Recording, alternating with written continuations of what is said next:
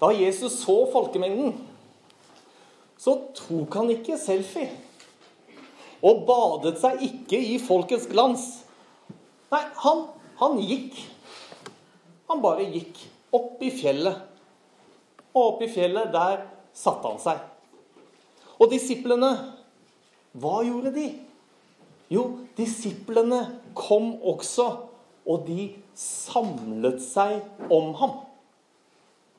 Og her har vi det kristne livet.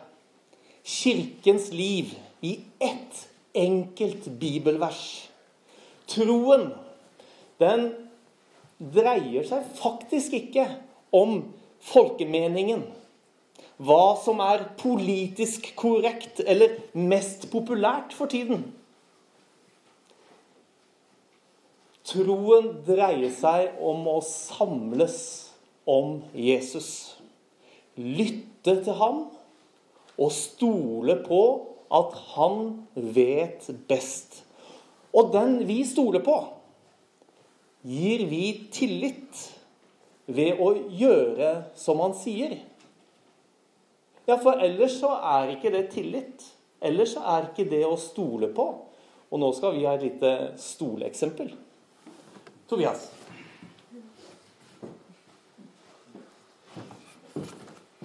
Vennligst se ut av vinduet. Og jeg tok ikke fram en stol. Jeg setter den faktisk her. Men du må ikke se bakover, da. Det er juks. Og eh, Tobias, tror du at jeg er eh, bak deg? Ja. Du ser meg ikke? Nei. Nei, Og siden jeg er høyttaler, så kunne jeg stått eh, på siden? Ja. ja. Men eh, siden jeg sier at jeg er bak deg, så tror du på det? Ja. Tror du at jeg har satt en stol bak deg, da, selv om du ikke ser det? Ja. Du stoler på det? Mhm, så vidt. Han stoler så vidt på det.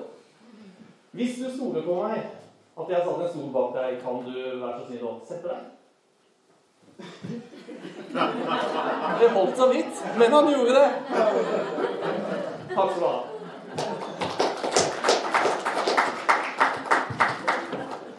Pleide ikke å gjøre det under konfirmantundervisningen. Vi har øvd lenge. Og nettopp det er tro. Tro er å stole på noe, selv om du kanskje ikke ser hva det er. Og nå har vi hatt konfirmasjonsundervisning, og, ved, og, er, og det er dette vi har prøvd å gjøre. Å samles om Jesus i tro. og samles om Jesus. Og da har vi startet med bønn. Fordi bønn, det er jo å samle seg om Jesus. Og fordi Skriften sier at framfor alt så skal vi be. Og derfor har vi framfor hver time hatt om ulike måter å be på. Og så har vi praktisert. Vi har øvd på de ulike måtene å be på. Og da lurer du kanskje på er det flere måter å be på, da? Hvem av dere vil svare på det? Margrethe, er det flere måter å be på? Og Tobias? Eh, Det går an å ha lyskolebønn. Det er sånn at du tenner et lys for noen eller et eller annet der borte. Og så kan man være stille med Gud. Det har vi gjort en del. og så er det tungetale, og så det er på en måte at man babler med Gud. Det kommer fra et gresk ord som betyr babbel. Så det er de som kan tungetale, de vet ikke helt hva de sier, fordi de bare babler. Og så er det hjertebønn og pustebønn. Det er sånn at liksom, Bønnen blir på en måte en del av hjerteslagene dine og pusten din. Og da kan du f.eks. når du trekker inn pusten, så kan du si 'Jesus Kristus, Guds sønn'. Og når du trekker ut, eh, så kan du si 'Forbarm, forbarm deg over meg'. Så har vi liturgisk bønn. Det er litt mer skriftbønn, sånn at du følger noe som står. Og så har vi håndspåleggelse. Det sier seg selv. Eh, Og så har vi forbønn. Det er å be for noen som kanskje har det vanskelig, eller bare generelt be for noen. Og så har vi kneling, da, som er litt mer eh, høytidelig bønn. Bra. Tusen takk.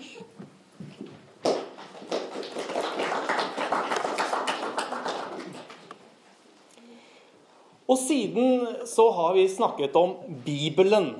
om den er til å stole på eller ikke. Apropos stol.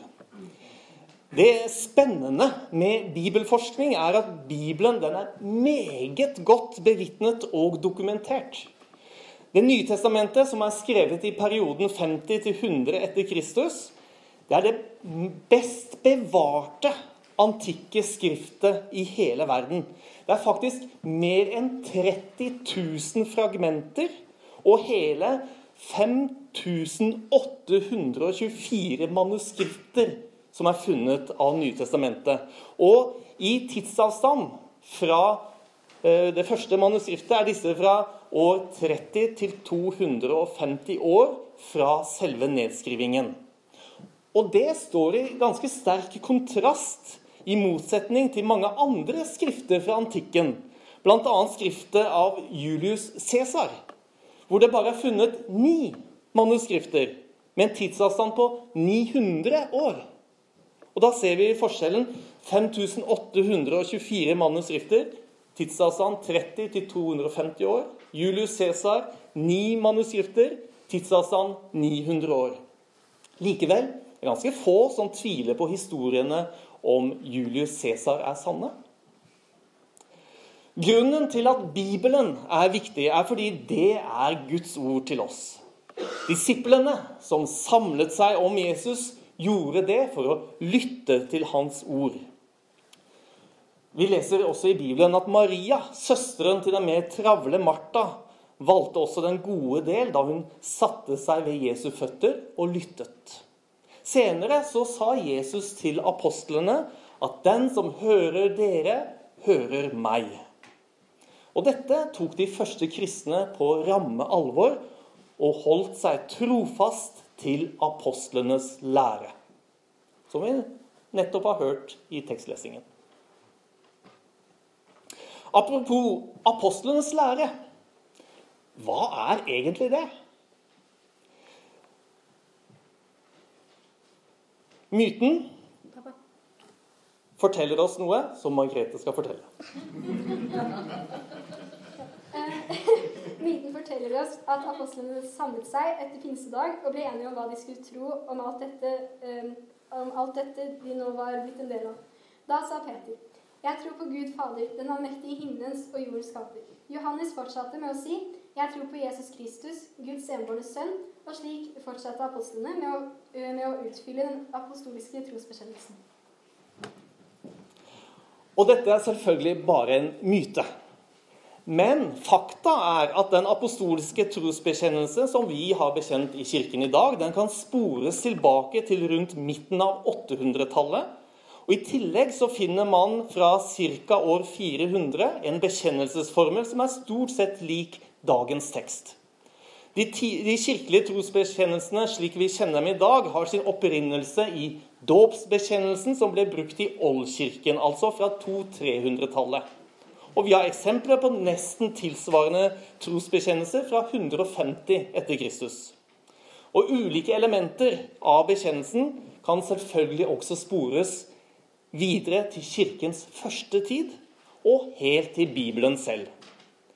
Og siden trosbekjennelsen viser oss apostlenes lære i konsentrert form, så gikk vi gjennom den setning for setning. Og da har jeg et nytt spørsmål til konfirmantene. Er det noe fra denne undervisningen om trosbekjennelsen som var nytt eller overraskende for dere?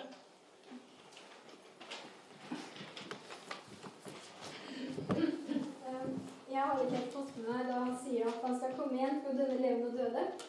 Og det er rett og slett at han liksom skal komme igjen og alle sammen skal se det, så skal han dømme alle sammen rettferdig, og det syns jeg var litt fint. Jeg ble litt overrasket av at i trosbekjennelsen så står det én allmenn kirke.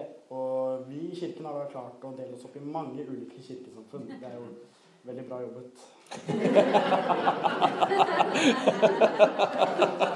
Bra sagt. Flott.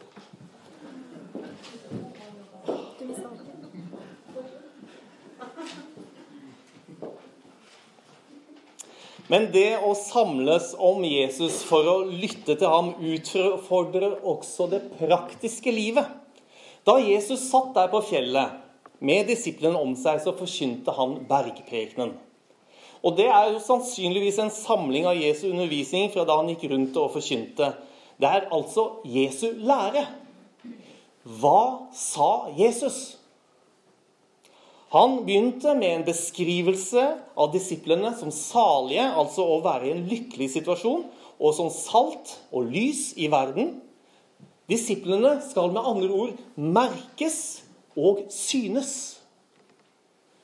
På hvilken måte skal de merkes og synes? Jo, slik svarer Jesus. Slik skal deres lys skinne for menneskene, så de kan se de gode gjerningene dere gjør, og prise deres far i himmelen. Det er altså snakk om gode gjerninger. Dette kommer han nærmere inn på ved det som kalles antitesene. Hva kan dere si om antitesene, konfirmanter?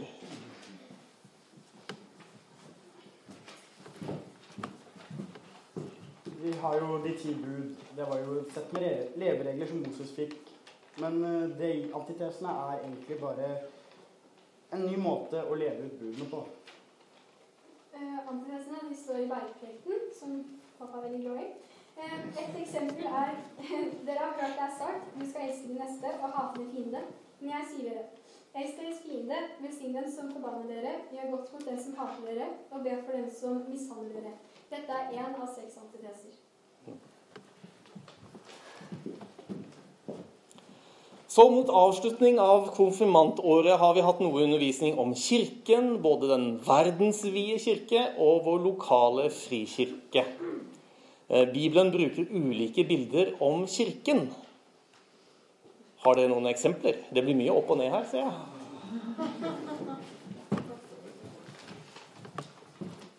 Bibelen bruker da et eksempel på kirken. Da bruker de kropp som et bilde. Fordi de er jo medlemmer, medlemmer av en stor kropp og en familie, da. Um, I kirken så kan vi også få nattverd og dåp, og så får vi fellesskap. Og så kan vi få bekjent troen vår. Og i Hebreerne 10, 19-25 kan vi lese om disse ti tingene. Og vi kan også finne noe som vi har kalt for de tre o-ene. Og de eh, står for omtanke, oppgløde og oppmuntre. Siden så har vi sett at i dåpen så får vi del i Jesu død og oppstandelse, blir født på ny av vann og ånd, blir en del av Guds nye paktsfolk ved at hjertet blir omskåret, og dermed medlemmer i kirken.